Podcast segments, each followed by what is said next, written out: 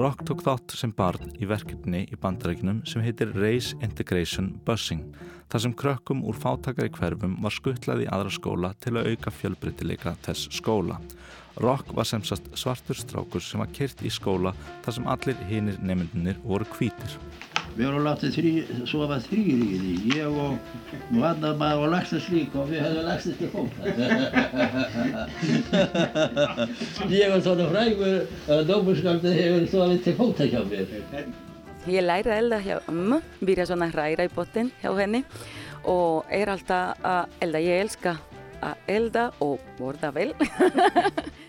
í lestinni í dag fótstallur Ingóls Arnarssonar, Will Smith og Chris Rock og Cochina Rodríguez. Ég heiti Lóabjörg Björnsdóttir.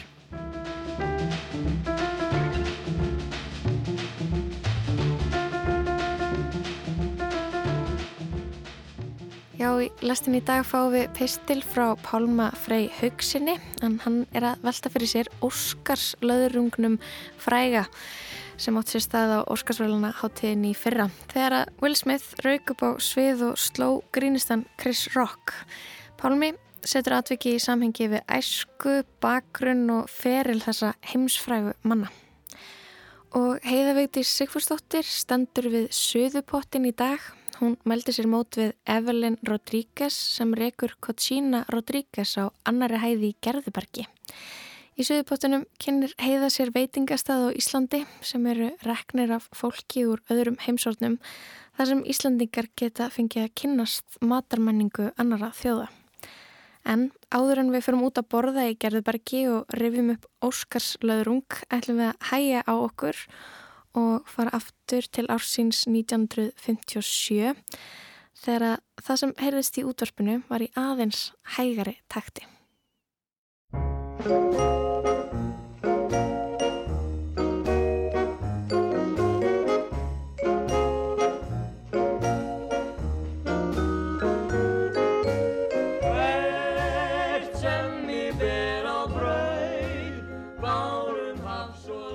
er lægið Ljúfa vina. Það er frá árunu 1957. Ég vissi það ekki fyrir enn í dag að það veri hægt að fara inn í stittuna af Ingólfi Arnarsinni. Inn í fótstallin á stittunni af landnámsmanninum á Arnarhóli. En það er vist hægt og þar var vist einu sinni spiluð félagsfest. Samstarskona mín, Anna Marsibel, var búin að vera grúska í kistu ríkisútarsins og bendi mér á þátt þar sem það kemur allt í ljós. Mér langaði að lefa ykkur að heyra það sem hún rakst á. Þátt frá 7. apríl 1957. Hvert sem ég bæri á bröytu ég breytist til þín á ný. Útvarstátturinn um helgina var í umsjón dagskrárgerðamannana Björns T.A. Björnssonar listfræðings og reytundar og gests Þorgrimssonar myndlistamanns. Í þessum þætti heimsækir gestur tvo sögufræga staði í Reykjavík. Hann byrjar á Arnarhól og, og við vorum, við gistum á koti í heitinu og við vorum látið þrý, sofa þrýri í því, ég og Vandamæð og Laxnes líka og við höfum Laxnes til fólk. ég var svona frægur að dómurskaldið hefur sofið til fólk hjá mér. Þaðan fer hann í laugardalinn að þvóttalöfunum. Fóru hættur klukkan svona ganga tvö og fór oftast neyri einn þessa litlu leið og lampaði inn í laugar.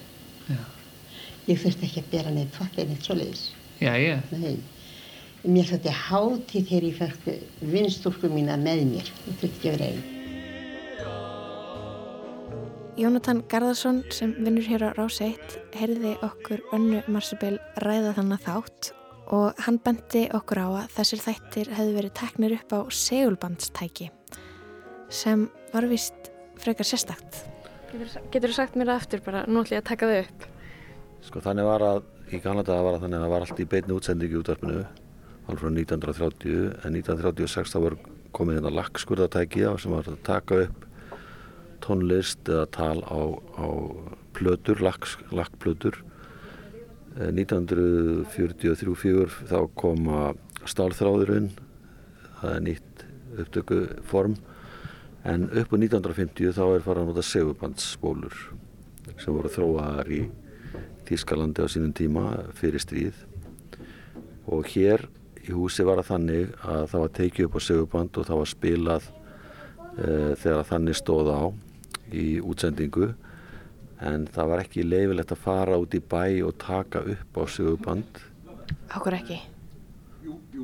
veit ekki alveg af hverju það bara þetta var kannski að því að tæknin eða, eða tengingarnar við tækinu voru ekki nógu góð þannig að þegar það var tekið upp á seguband út í bæ þá þurfti að fara og vinna það sérstaklega en það mátti ekki spila bara, bara beint í framhaldin í útarpinu Er, er þetta kannski eins og ef ég færi og tæki allt upp á síman minn og færi síðan að leti tæknumann fá það og væri bara að spila þetta svona? Er, heldur þetta sé kannski sambarlegt? Það er mjög líklegt að þetta sé sambarlegt þannig að þess að tæknideildir út á stöðuða og sjónvastöða hafa alltaf viljað að það væru bestu mögulegu tæki nótuð og þannig var komin frekar lítil reynsla á þetta. En það voru nokkur hérna starfsmenn þar meðal Jón Múli Árnason og Jónas Jónasson og og síðan þeir tveir gestur Þorgrímsson og Pjötti og Pjösson sem voru með þeir tveir voru með þátt sem hétt um helgina.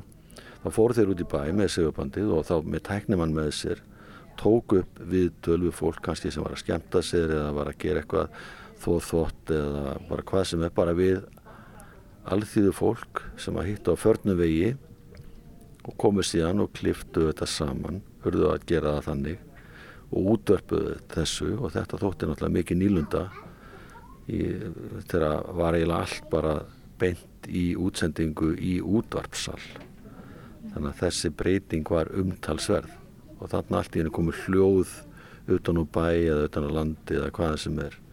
En fyrsta svona útsendingi var samt sem aður talsett fyrr, það var 1936 þegar var farið með lagskurðatæki að soksvirkun sem var þá í smíðum.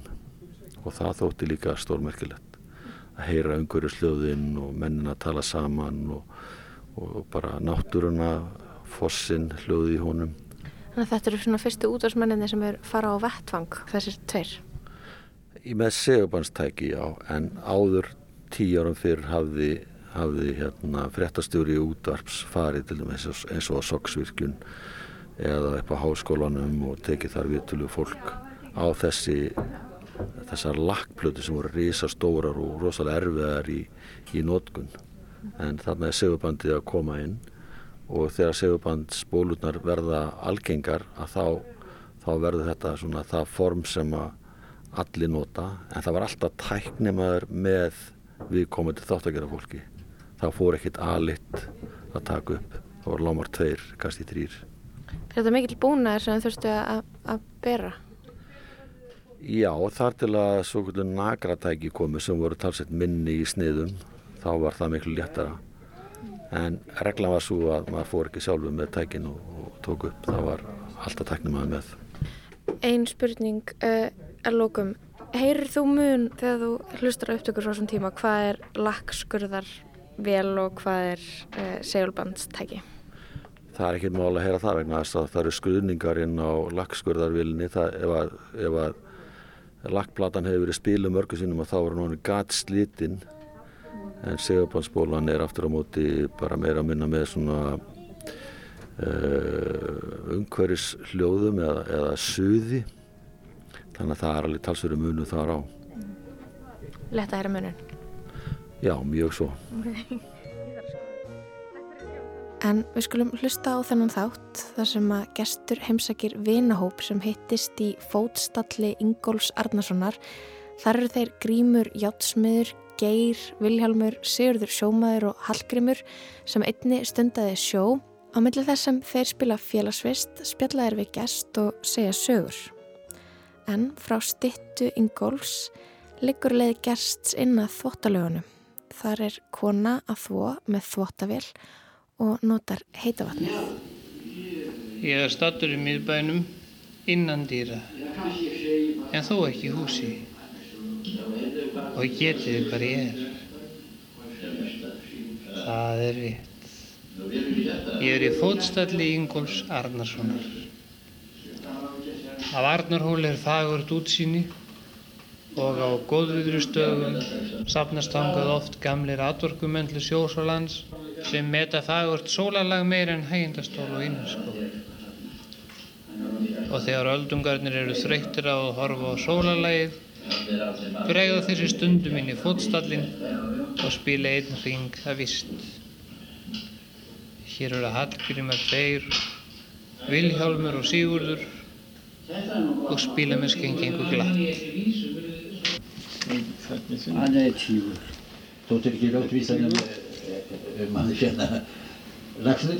Æ, ég veit nú ekki.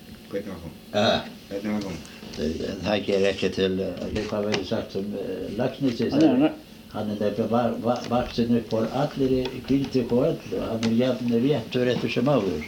Uh, Hún er svona, hva, hvað er út? Eða? Tígur. Getur þú bannað hann?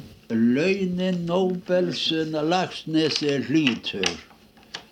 Eh, Lof óspart og krónur margar. Loksins var það lús og skítur landinu sem var til bjargar.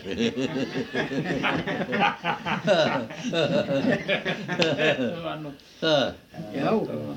Hann tífurlega. Þú ert af Jökuldalum, já. já, já, já, hann, hann Og já. það var Bjartur og Sumarhúsin líka? Já, já, við komum þar í veturhús, það hétt veturhús, það hétt Bjarnar veturhúsum. Já, Hvort í heiðinni þarna skamt frá mér. já. Og, og við vorum, gistum á, koti í heiðinu og við vorum látið þrý, sofa þrýr í því. Ég og nú annar maður og lagstast líka og við höfum lagstast til fólk. ég var svona frægur að dómurskaldið hefur sofið til fóta hjá mér. Hvað, hvað er sko? Er ég í foröld? Já. Já, já, já, já. Ég held að segja bara grand. Jæja, þá var nú pass við því. Já. Þá var nú pass hérna. Það er grand, já. Ég vil að reyna eina heila, þú ég falla á henni. Já. Það er dottið svo oft á æfinni, manni bregður ekki við. Það var ekkert annað. Að reyna heila. Ég, þeir voru bara tíu hérna. Á jólóttu. Það, Já, Hann á, hann var ekki til. hann er búinn með það sem hann Já, hugsanlega. það þarf ekki meira. Það hefði ekki meira. Skrifa einn einn unni hjá okkur. Það verður nú þá. Það á- það okkur. Er, er það satt grímur að þú hefur gefið saman hjón? Ég hef heyrt það. Við veist það. Já. Flýgur fisk. Mér sé í smiðjunni. Fjögur fyrst. Nei, Það. Ekki var það nú, ef maður er nokkuð að tala um það. Nú, Þá var það nú á skri- á kontórnum. Síslu kontórnum. Já, og hvernig stóða því að þú gerir þetta? Það. Gerði það svona ganni mínu bara. Nei, ég, það gerði að ég, ég var hausíslumanni, hann var ekki heim. Hann, hann var nýfarinn, var, að fara, var á þing. Ég var sko settur fyrir hann. Varstu hrestur í það? Já, Já. hann gerði það nú. Og hjónin hafa notað tækifæri til þess að láta þig gifta Já, sig. þau vissi ekkert um það, nei, Nei. nei, nei. nei. Og komu að og vissi ekkert um þannig að síslumar væri við og, og ætluðu að láta hann gifta sig. Og það var að vera svo, en annars vil ég ekki vera að tala um það. helst. nú hefur blessaðist ekki hjónabandi vel? jú, jú, mörgum betur, svo ég þau hafa ekki skilið enn. Já, svo þú, það má segja að þú hefði gert þetta eins vel og, og ávarðu kosið við. Samvisk samlega. Já, þú ert líklega eini játsmiðurinn Hallgrimur sem hefur gefið saman hjón. Já, ég býst nú bara við því. Það var eiginlega vest að það skildi ekki verið í smiðjunni. Já, svo svart var það nú ekki.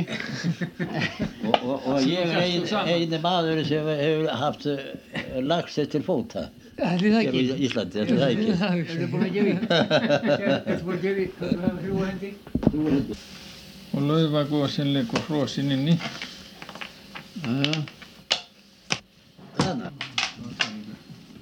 Hvað er nú langt síðan þú hættir að vera sjónusífurður? Alltaf sé ég ekki svona í kringum fimm ári, svo leiðis. Síðan að ég hef sílt af sjótrjám. Og hvað varstu þá búin að vera lengi í sjós? Já, þá var ég búinn að vera til sjós, ég veist sko sjá. Ég er búinn að vera til sjós síðan að ég var 14 ára. Og hvort líkar þér nú betur til sjós eða lands Já, mér líkaði nú ágætlega til sjós. og hvað var nú til þess að þú fórst í land? Já, það var nú það bara að maður var orðin svo, svo laskaður á skroknum að maður gæti ekki haldið áfram. Já. Annars væri ég nú kannski á sjónum með þá. Annars er það nú ekki vel og margir heldur sem vilja stunda það starf þó að sé nú heiðalegt og, og gott starf að mínu áliti. Nei, ég var í Póland. Já, já, ég var í Jæja, Hallgrimur, þú hefur nú stundað sjóðuróðra allar leðustan og biskustungum og, og síðsöður á neð. Já, Sörgrindavík. Komstu nú ekki oft í einn krappan á leiðinni? Nei, já, þetta er meitt skipti bara mjög lengi. En hver, hvernig var það? Það var bara bylur, bylur og rók. Það tafði okkur ófæll. Á hvaða tíma ásvar það? Þorranum? Það var þorranum, svona þriðju viku þorra. Og hvað báruðu nú mikla byrðir á leiðinni? Það var að vanalega svona 30 pund, Já. 15 kíló, maður segir. Og lenduð í snjó og stormi? Já, snjór og rók og, og bylur. Sem dregur stökkina, hérna var vel. Já. Segðu mér, voruð þið ekki svolítið hjátrúa fullir í sjóðuróðrunum? Hefðu þið ekki svona einhver, einhverja verndargripi til þess að vernda ykkur gegn? Slissum minnur, Já. ekki var ég var við það. Nei, Eitthvað hefur nú heyrt um að slíkir gripir hafi verið til. Já, ég er til skappa. Áttur ekki slíkt? Voru einhver sem áttu slík Ekki svo ég, ég þakka því að ykkur átt að gefa það.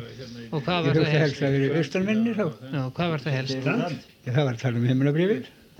Himnabrifið, já. Það sömur á sér alltaf. Og, Og upp úr brjóstvasanum kemur samanbrotið bref. Það eru gamalt og snjáð og letur þess illæsilegt. Eh, Þetta mun vera himnabrifið og það er dagsett í Þýskalandi 2. oktober 1672. Hér er ingangur og formáli á undan bærinni og í formálanum segir út á einum stað í Þýskalandi hangir eitt bref en hvar það hangir veit engin. Nefn að það er með forgiltum stöfum ofan skrifað og af Guði fyrir engilinn Mikael ofan send. Svo er hér bæinn Karla Magnúsar. Hver sem þetta blað á sér ber skal fríast frá öllum hans óvinnum, sínilegum og ósýnilegum, frá eldi og vatsvoða, reyðarslögum og himneskum eldi, frá vondum öndum og illum svefni, fyrir þjóum og morðingjum og órheinum öndum og sá skal aldrei deyja fyrir utan sín skriftamál. Og hér er enn fremur Sú dáindis kvinna sem á gólfi liggur og ber þetta blað á sér skal jafn skjótt viðskilja við sitt fóstur og það fyrir kraft þessara orða. Já, þetta er kröftugt bref og hefur sennilega mörgum borgið. Hjartavakir hellingar.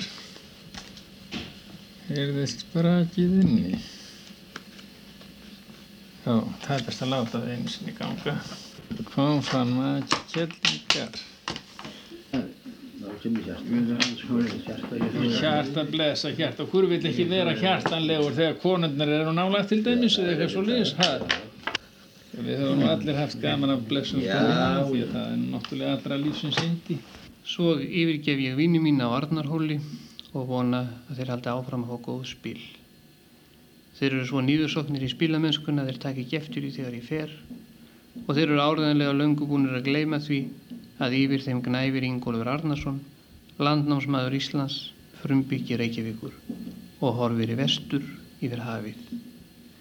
Það eru vor á Arnarhóli og bráðan fara grösin að ilma Maðkurinn skýtur upp kollinum í næsta áfalli, ungir elskendur tilla sér á bekk og horfa á sólarlægið og heimilisleysingjar leita sér skjóls undir blikkinu. En þegar Ingólfur kom hingað fyrir 1073 árum horfði hann ekki út yfir sjóin, heldur í gagstæða átt og sá reik í dalnum inn úr víkinni og nefndi staðinn Reykjavík. Nú sést ekki lengur reikur úr þessum dal því að hverinn hefur verið beislaður, þó eru þvottalögarnar enn við líði og það verður ekki úr vegi að heimsækja þann fornfræga stað. Og hér er ég komin inn í þvottalögar og þar er öðruvísu umhors en áður var. Nú er ekki lengur þveið og opinn hver og þvotturinn klappaður á klöppunum heldur að koma ungu konurnar með þvottavílarnar heima frá sér og setja þær hér í samband. Og hér er einn kona með nýtísku þvottavél. Það er svona rétt að ég sé í hana því að hér inni er mikil gufa.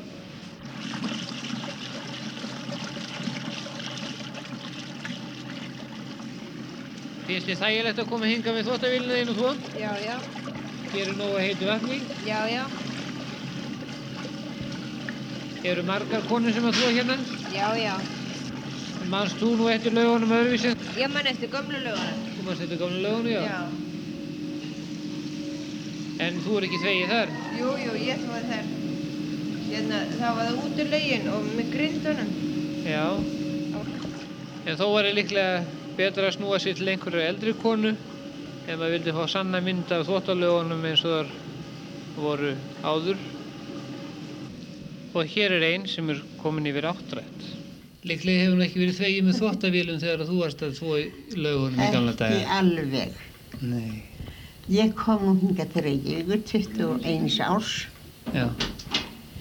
Nú nú og þá þurfti ég náttúrulega að fara í laugar. Það var ekkert annað um að gera. En ég átti langt heima nýri bæ og svo lappaði ég, fór og fætur klukkan svona ganga tvö Já. og fór oftast neyri einn þessa litlu leið og lappaði inn í laugar. Já. Ég þurfti ekki að bera neitt fallið neitt svo leiðis. Já, já. Nei. Mér þótti hátíð þegar ég fekk vinstúrku mína með mér. Ég þurfti ekki að vera einn. Já, það hefur skuggalegt að labba þannig inn. Já, og týrurnar svona grútar týrur á götunni hingað og þangað og ljósi glugum. Maður þurfti að koma svo snemma inn á ornana, inn Já. til þess að komast inn. Fólki var svo margt. Annars mátti maður gera svo vel að vera úti allan að þvó. Hvort það var heldur rigning eða frost.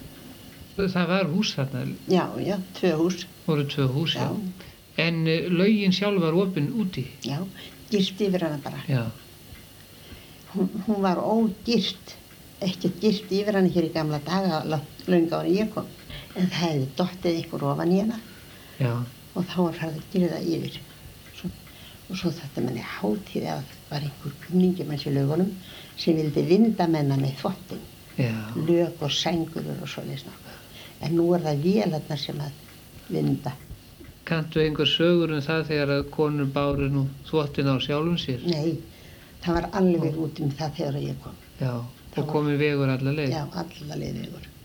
Og aldrei kom það fyrir alla mína tíð sem ég fór þannig í laugar að mætti mér nokkur lífandi hræða.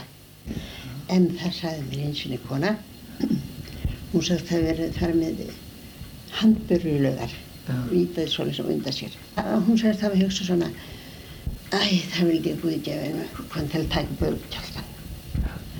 Svo segir hún, svo er geitt um það, svo flækir sér svona áfram, segir auðvitað konan, þangað til að kemur einhver kona og tekur í börgutjáltan og keirir fyrir mig lengi. Og ég sé ekki neitt, segir hún, en kjálki var tekin af mér. Svo segir hún, svo líður það aldrei stund, svo sé- lít ég svona þá er konan farin, en komin eftir maður. og hann keirir börurnar alla leið heima dýrum á þvottahúsinu. Já, konan kemur mér ekki á óvart. Þegar ég var að alast upp í laugarnesi, heyrði ég um stúlkuna í læknum. Hún hefði verið vinnukona hjá Þórði Jónasinn dómara og eitt kvöld seintir hún að leið frá þvottalögunum með fullan bala af blöytum þvotti á bækinu. Það er frost og hjarn og vindur kvass af norðri með skafrinningi. Frá því snemmu morgunin hefur stúlkan staði við að þvó, klappa og vinda og fötunar eru blöyta vatni og svita. Uppgefin af erfiðu og vosi leggur hún af stað frá laugunum með þunga byrði. Vetranóttin er dimm og köld og kiljan býtur og einmanna stúlka fetar sig eftir viðsjálfu hjarni fram með sköruðum fúlalæk í átlir Reykjavíkur. Hér stígur íslensk alþýðu stúlka hinsta spóra á hálum ís, missir fótana og fellur í lækin. Kraftarnir eru þróttnir, hún stendur ekki upp aftur, en vatnið rennur yfir höfuð hennar meðan þvóttabalinn flýtur uppi. Já, svona var sagan um stúlkuna í læknum þegar ég heyrði hennar fyrst. Og það fylgdi með að fólk hefði orðið hennar vart á þessum slóðum. En ekki tróðun illsækir við þá sem eftirlifðu, heldur tókundur bör og kjálkaðan hjá þreytum þvóttakonum til þess að leta þeim byrðina.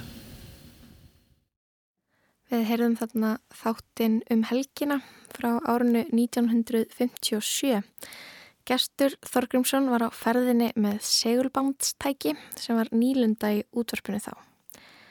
En við ætlum næst að kíkja í Gerðuberg á Kotsína Rodríguez. Heiða Vigdís Sigfúsdóttir standur við söðupottin. Við sittum inn að niðri, erum að hittast hérna konur, saumaprjóna, krosskottum eða eitthvað, svo les. Svo fyrir við hér upp í háttegin að borða sko. Stundum er nú svona domunískir réttir sem ég finnst bara góðir. Svona náttúrulega uh, vennilegur íslenskur matur eins og eins og við erum að borða núna, salt, saltfiskin og, og svo frá meðs. Ég er komin hérna í Gerðuberg í Efra Breitholti og hérna á annari hæð þá er bókasapn og við liðin á því er kaffihús og mötunetti sem heitir Cosina Rodríguez. Og við ætlum að fara þangað.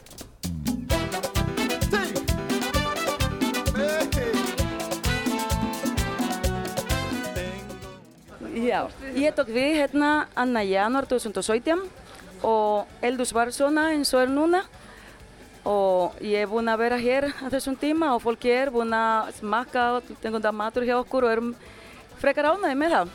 Já. Og ég heyra að hérna er, er tónlist, er, hvaðan kemur þessi tónlist? Þetta er latinu tónlist, spansku, þetta er salsa, við erum alltaf að spila svona eitthvað stemning, salsa, bachata, merengue og allt svona smá stemning. Alltaf, alltaf stemning í eldursunu? Jú, það er það að vera. Tengo un Dios admirable en los cielos que me libra de mal y temores, es mi roca y mi gran fortaleza. Ég heitir Evelyn Rodríguez og ég er frá Dominikanska lífveldisins. Ég er búin að vera hér í desember 23 ár og ég er 44.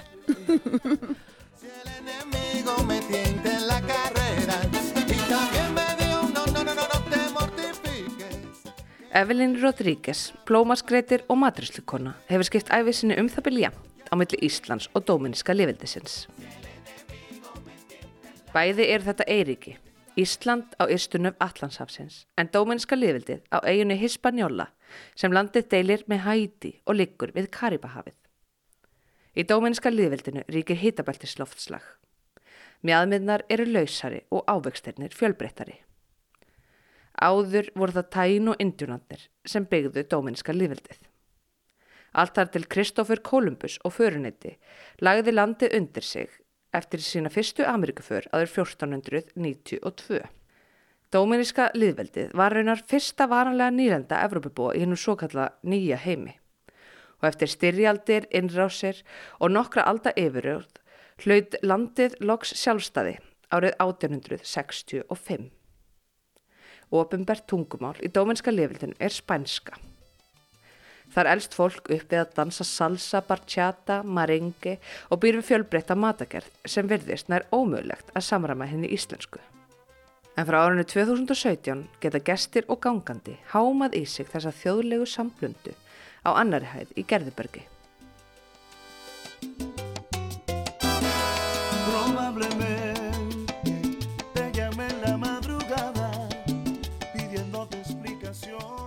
Ég virði að elda heima. Bara svona smá til að styðja með loin og svona. Og eftir þrjú ár, ég bara elda heima svona bara um helgar þá frétti ég, kona að vinkona mín frá, frá Spáni sagði mér frá að það voru að leita einhver til að taka við eldu sig hér. Og ég sagði já, ég er til. Þannig að þetta var mjög gaman. Ég kom í Vítal og Sotun og bara um leið, þá var ég ræðin bara strax samning og ég spurði ok, hvernig, hvernig er við að endurnia samning og það var bara ótíma punkti. Ég verð hér, þannig til ég vil.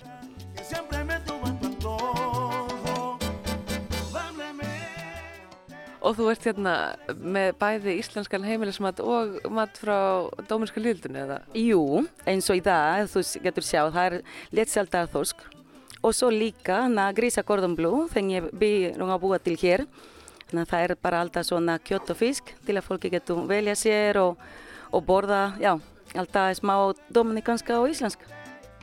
Ég læri að elda hjá ömmu, byrja svona hræra í botin hjá henni og er alltaf að elda. Ég elska að elda og borða vel. Meira svona helsulegu matur. Ég er ekki mikið til að steikja en bara svona alltaf svona kjött, fisk, græmeti, mikið salat og fersku og svona græmeti. Esto solo está en mi mente y todo lo nuestro ya ya termina. Hvernig tengir við íslenska matagerð?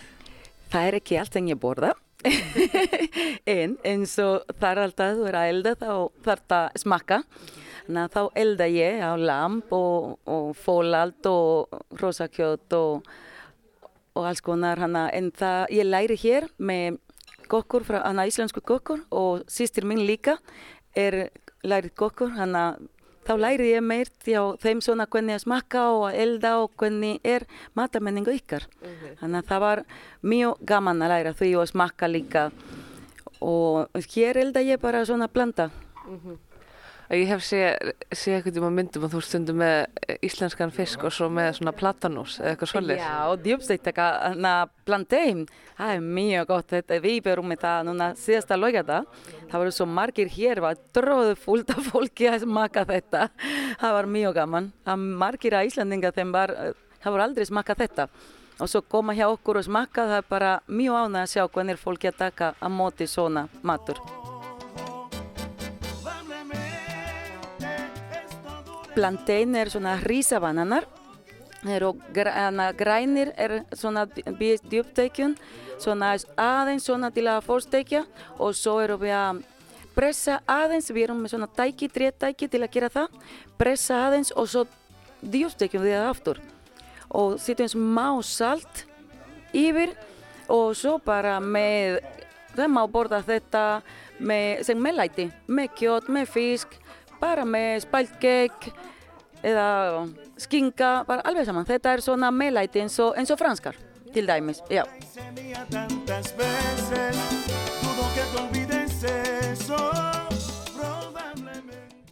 Eins og núna síðasta laugadag voru við með svona djúbstekta fisk, karfa og svo með plantein og, og fersku salati og svo les. Það er svona eins og við borðum í dominska liveldi í strandinu. Það er mjög kert hjá okkur, mjög vinsalt og svo er ég að bjóða upp að það hér á Íslandi þrísar ári.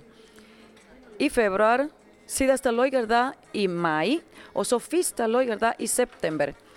Og Sessi Magnúsdóttir, þegar er að kenna bachata hér á Íslandi, hún var með okkur núna síðasta laugardag, það var mjög gaman, mjög stefni, flotta tónlist hér og fólki að læra fyrst að skrifa til að dansa bachata. Þannig að þá verður saman fyrsta laugardag í september. Og, dansar þú mikið bachata? Svolítið.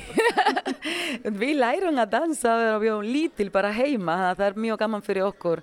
Og sérstaklega hér, þar ég ímynda mér aldrei að ég fara að hýta íslenska kona þegar hún er búin að læra svona vel og að dansa og kenna okkar tónlist.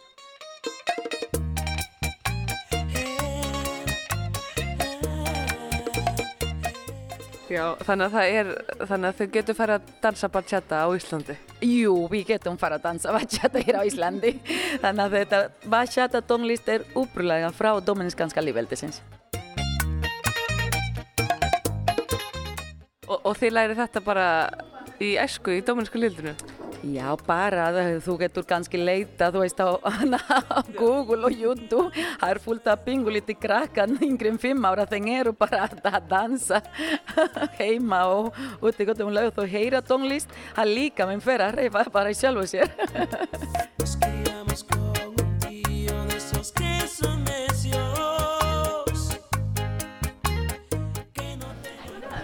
Velkomin, Elskan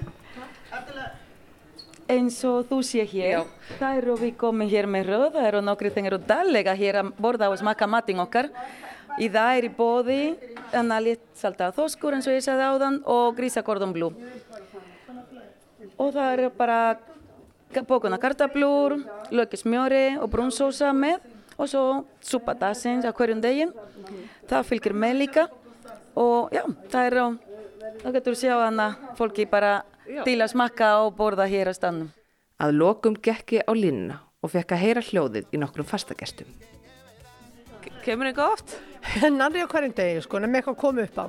Vola notalegt og við sitjum inn að niðri og erum að hittast hérna konur, saumaprjóna, krosskáttum eða eitthvað svo les. Svo fyrir við hér upp í hátteginu að borða sko. Og það, það er svaka stemming sem myndast alltaf hérna í hátteginu eða? Já, já, já, hérna eru allir að tala saman og spjalla sko og milli borða sko. Það er bara, það er ekki að segja hana. Ég heiti Stefán Ennelsson. Og kemur oft hérna í mötunni þið? Uh, hérna, uh, ég, ég hef bara lengi bara 19 á í Pókasónunu.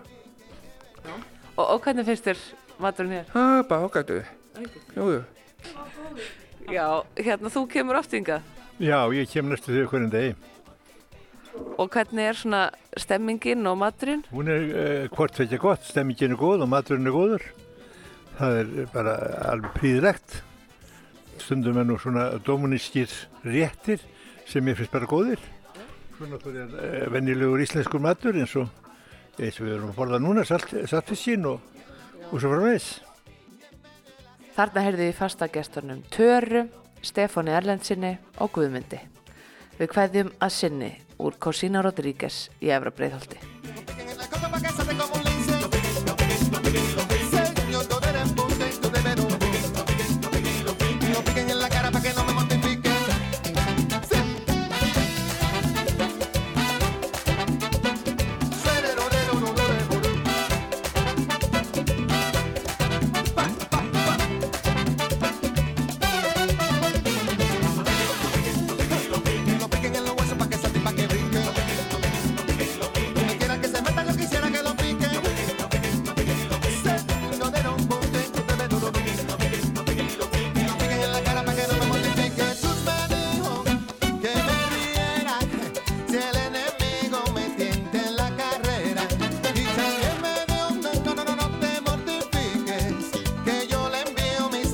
que lo verdad.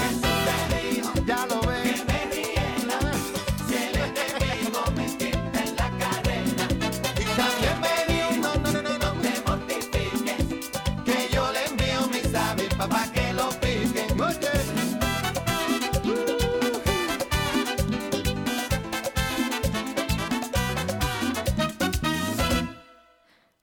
Las Avispas með Juan Luis Guerra Heiða Vítis Sigfúrsdóttir rætti við Evelyn Rodríguez á staðinum hennar, Cochina Rodríguez. Hún kemur frá Dominíska lífveldinu og hefur verið að elda alls konar mati í Gerðubergi frá árinu 2017. En næstur á mælendaskrá hér í lestinni er Pálmi Freyr Haugsson. When I stroll into the When I bounce into the Cisco, Cisco Eitt stærsta augnablikið í sjónvarpi síðustu árin var að Óskarsvæluna háttíðinni fyrir rúmi ári þegar kynir háttíðarnar Chris Rock var óvart slegin í andlitið af einni stærstu kveikmyndastöfnu okkar tíma, Will Smith. Smith raug upp á sviðið og sló Rock þegar sá síðanendi gerði grín að konu hans Jada Pinkett Smith. I'm out here. Uh-oh, Richard. oh, wow. Wow. Will Smith just smacked the shit out of me. Did... Wow, dude.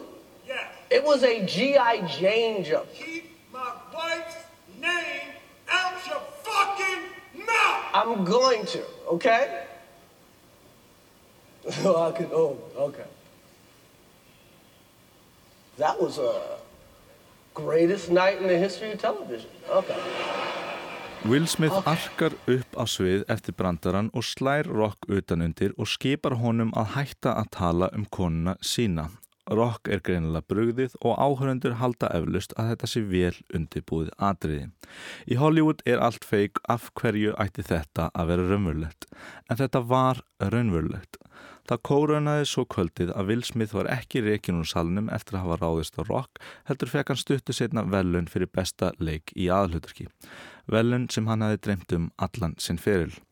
Áhörundur risu úr sætum sínum og klöppuðu fyrir honum. Ótrúlegt sjónvarps augnablík. Saga begja þessa manna er aðteglisverð. Will Smith er mjög áhugaverð persona í Hollywood. Margir vinsæli leikarar verið frægir fyrir einhvers konar hefni og hæfileika. Þeim bjóða skóð hlutverk og ef allt gengur á óskum ná myndir þinnar sem þeir leika í vinsældum. En Will Smith hefur viðkjönd að hann hefur alla tíð reynd að verða vinsæl. Markmið hans var alltaf að verða vinsælisti skemmtikraftur á plánutinni. Hann og viðskiptafélagi hans settust niður í byrjun ferilsins og greindu hvernig bíómyndir verða vinsælar og hvað þar eiga sameigilegt. Á því byggði hann feril sinn. Hann vildi bara vera vinsæl og honum tókst það. Hann varð frægasti leikari plándunar og í þokkabót gríðarlega vinsæl tónlistamóður. Oftar en ekki fylgdu frægi slagarar kvikmyndum hans eins og Wild Wild West eða Man in Black en það er lög sem hljómiðu í samnendum kvikmyndum hans. Á tíma kefti hann við Tom Cruise um hvor gerði fleiri myndir í röð sem næði því eftirsóta markmiði að hala inn meira en 100 miljón dólarum í kvikmynduhúsum Vestanhás. Will Smith náði 8 myndum í röð. Men in Black 2, Bad Boys 2, I, Robot, Shark Tale, Hits, The Pursuit of Happiness, I Am Legend og Hancock. En myndin 7 Pounds náði svo ekki markmiðinu. Þetta var ótrúlegt afrygg á þessum tíma þar sem það var ekki eins auðvelt að reikna út vinsættir kvikmyndar og nú í þessum Marvel overhitjamynda heimi sem við lifum í. Þar sem flestar myndir tilhera ákveðnu vörumerki. Það byrð líka taka fram að á þessum tíma var ekki gefið að svartur leikari næði þessum vinsaldum. Auðvitað hafa margir vinsali svartir leikarar farið með aðhluturk í kvikmyndum frá því að Sidney Portier var fyrstur þeirra til að vinna Óskarsölun fyrir aðhluturkið í kvikmyndinni Lilies of the Field. Aug þess voru leikarar eins og Eddie Murphy, Samuel L. Jackson, Denzel Washington og Morgan Freeman vinsalir og virtir aðleikarar á þessum tíma. En engin af þeim náði þeim stjartfræðilegu vinsaldum sem Will Smith náði. Hann var stærsta stjartna í heiminum. En hvaðan kom þessi sjúklegi metnaður Smith? Í viðtalsáttunum Actors on Actors sagði Smith að gífurlegu metnaður hans fyrir því að verða stærsta stjartna í heimi hafi sprottið af framhjóhaldi. Kærista Smith hjælt fang hjá honum þegar hann var 15 ára. Þá hafi hann haldið að ef hann er því stærsta stjarnaplándunar myndi engin kærasta halda fram hjá honum því hann væri númir 1. Anna Atvik mótaði personu Smith. Þegar hann var nýju ára horfið hann á föður sinn beita móðu sína ofbeldi. Smith fylgtist skömm því honum fannst hann hafi bröðist móðu sinni. Eftir þetta fannst honum hann ekki eiga skilu ást eða væntum þykki. Hann byggði upp ákvæmna personu eða útgáfa af sér sem var sífælt hress, brosandi og hlæjandi til að breyða yfir óöryggið, sásökan og lága sjálfsmatið sem fyldi þessu bernsku áfalli. Hann byggði feril sinn á því að vera stærsti, besti og vinsalasti til að breyða yfir sinni eigi hugmyndir um að hann var einskis virði. Eins og margir skemmtikraftar rugglaði hann saman aðdáðan og ást. En snúum okkar að hinum skemmtikraftinum, Chris Rock. Chris Rock er einn vinsælsti grínisti frá upphafi. Þó uppistand hafi ekki verið virt sem listform í bandarækjunum fyrir nýlega hefur Rock alltaf verið einn af þeim stærstu í bransanum. Rock ólst upp í Brooklyn í New York við gríðarlega fátækt. Hann átti sex yngri sískinni en var samt minnstur í fjölskyldunni. Hann hefur sagt frá því að sem eldsti strákurinn í fjölskyldunni gata hann ekki vendað yngri bræðið sína þar sem hann var minni en þeir. Rock tók þátt sem barn í verkefni í bandarækinum sem heitir Race Integration Busing þar sem krökkum úr fátakari hverfum var skuttlað í aðra skóla til að auka fjölbreytileika þess skóla. Rock var semsast svartur strákur sem var kyrt í skóla þar sem allir hinnir nemyndunir voru kvítir. Þar var hann lagður í grimdarlegt einelti. Hann lýsir verinni þar sem hræðilegri. Hann var kallaður öllum yllum nöfnum, lamin daglega og brotið á honum kynferðislega. Rock var í helviti. Ég hef ofta reynd að ímynda mér hvernig tilvera það er fyrir þólendur eineltis að vera lamin og niðurlagt daglega. Hvernig líf það er ef ég var í lamin daglega í vinnunni. Rock segist enn vera að vinna úr þessu berðsku áfalli og eiga erfitt með að skilja að hann sé einhversu virði eða eiga skilið ást. Eitt sinn þegar Rock var ungur var hann í partí og var lamin og niðurlaður fyrir framann alla. Hann fór þá og setti múrstein í bakpókar sinn og fór aftur og lamdi strákin sem hafi ráðist á hann. Hann barði strákin aftur og aftur og stappaði á honum svo lengi að á tímabili var ekki víst að strákurinn myndi lifa af. Eftir þetta hefur hann verið döðrættur við eigin reyði og ítt henni eins langt niður og hann mögulega getur og leifir öllum í kringun sig að vaða yfir sig, vinum, fjölskyldu og vinnufjölugum. Hann segir að það sé eitt staður þar sem hann getur leift sér að vera sjálfsörugur og trúa á sig og það sé upp á sviði. Á sviði er Chris Rock gríðarlega sjálfsörugur og einna bestu uppistundurum sögunar, en utan sviðsins er hann allt annar maður, fullur af óöryggi og sjálfsauða. Eftir að Will Smith sló Chris Rock brugðust þeir við á mismundi hátt. Smith byrtið myndbönd á samfélagsbyrjum sínum þar sem hann baði Rock afsökunar og reyndi að útskýra hvað gerðist þetta kvöld. Eftir sjáinn er mikil og ferill hans er ekki á góðum stað. Feilsporið var of stort. Rock var þögull sem gröfin í rúmt ár, fórkvarki við törni talaðum atvikið á ofinbyrjum vettvangi. Grínistar hafa oft sagt að Rock eigi heima á Mount Rushmore fyrir grínista en núna skiptir ekki máli þótt hann eitti besta klukkutíma í uppistand sögunni, hann verður alltaf þekktur fyrir atvikið þegar Will Smith sló hann. En Rock svaraði loksins fyrir sig einu ári eftir atvikið þegar hann gaf út Netflix specialin Selective Outrage. Það er í fyrsta skipti sem Netflix streymdi viðbyrði í beinni útsendíku og var byrt viku fyrir Óskarsvölunháttíðina á þessu ári þar sem Rock var ekki kynir. Síðustu tíu myndunar af uppistandinu nýtir Rock í að tala um þegar Smith sló hann. Hann kallar Smith öllum yllum nöfnum, talar um að Smith er mun stærri og sterkari en hann, talar um hvað Smith sé mikill auðmingi fyrir að slá hann. Rock skammast þarna í tíu myndur, en hann tala líka um aðdán sína á Smith fyrir á ferlinum. En loka orð Rocks í uppistandinu eru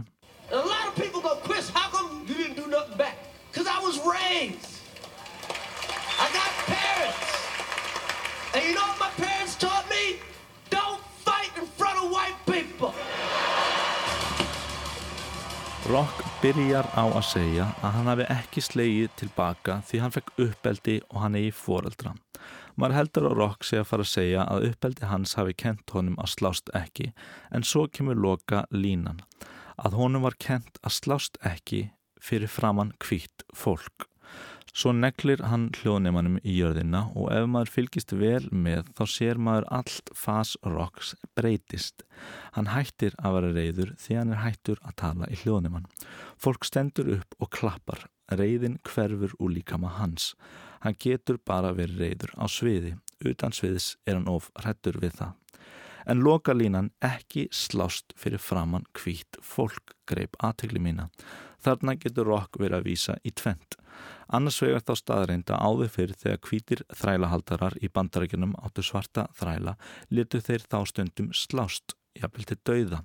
Þetta var skemmtun þrælahaldarana. Þegar þrælarhald var síðan afnumið var sagt ekki slást fyrir framann hvíta fólkið. Það er skemmtun fyrir þeim. Hins vegar getur verið að Rock sé að vísa til þeirra upplifunar, jæðar og minnilutahópa að einstaklingar innan hópsins þurfum sífælt að haga sér vel og vera fyrirmynda borgarar því þó að þeir séu partur af samfélaginu eru þeir ekki hluti af því. Allir eru sífælt á hálum ís því ef einn einstaklingur gerir eitthvað af sér þá bitna það á öllum hópnum. Þetta gerir það verkum að eina leiðin til að innflytundur, flótamenn eða bara hvaða jæðar eða minnlhutahópur sem er sé óhulltur, sé í herbyggi fullt af öðrum sem tilheyra þessum jæðarhóp. Að innflytundur þurfi að tala fullkomna íslensku til þess að teljast næstum íslenskir. Og sama þó þú sért einn frægasti uppistandari bandaríkina eða einn stærsta kveikmyndastjarnar sögunar þá samt, samt sérstu greinilega ekki fullkomlega velkomin í samfélagið. Þér finnst ennþá eins og allir séu að horfa á þig og býða eftir að þú gerir mistök fyrir framann þau. Að allt hvitt fólk sé eiginlegar, siðferðslegar lauruglur sem býða eftir að þú gerir mistök í leitað einhverju til að staðfesta þeirra eigin fordóma. Því fyrir þeim þurfa jáðarhópar að vera fullkomnir til að vera velkomnir í samfélagið. Ekki þau.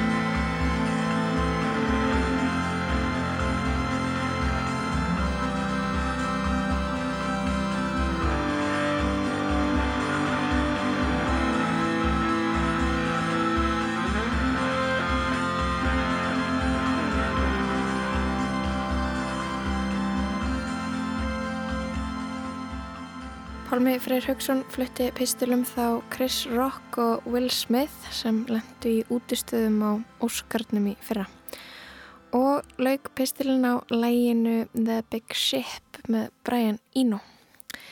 Við erum komin að leðalögum hérna í lestinni í dag. Ég heiti Lóa Björg Björnstóttir og þakka samfélgina. Tæknumöður var Litja Gretastóttir.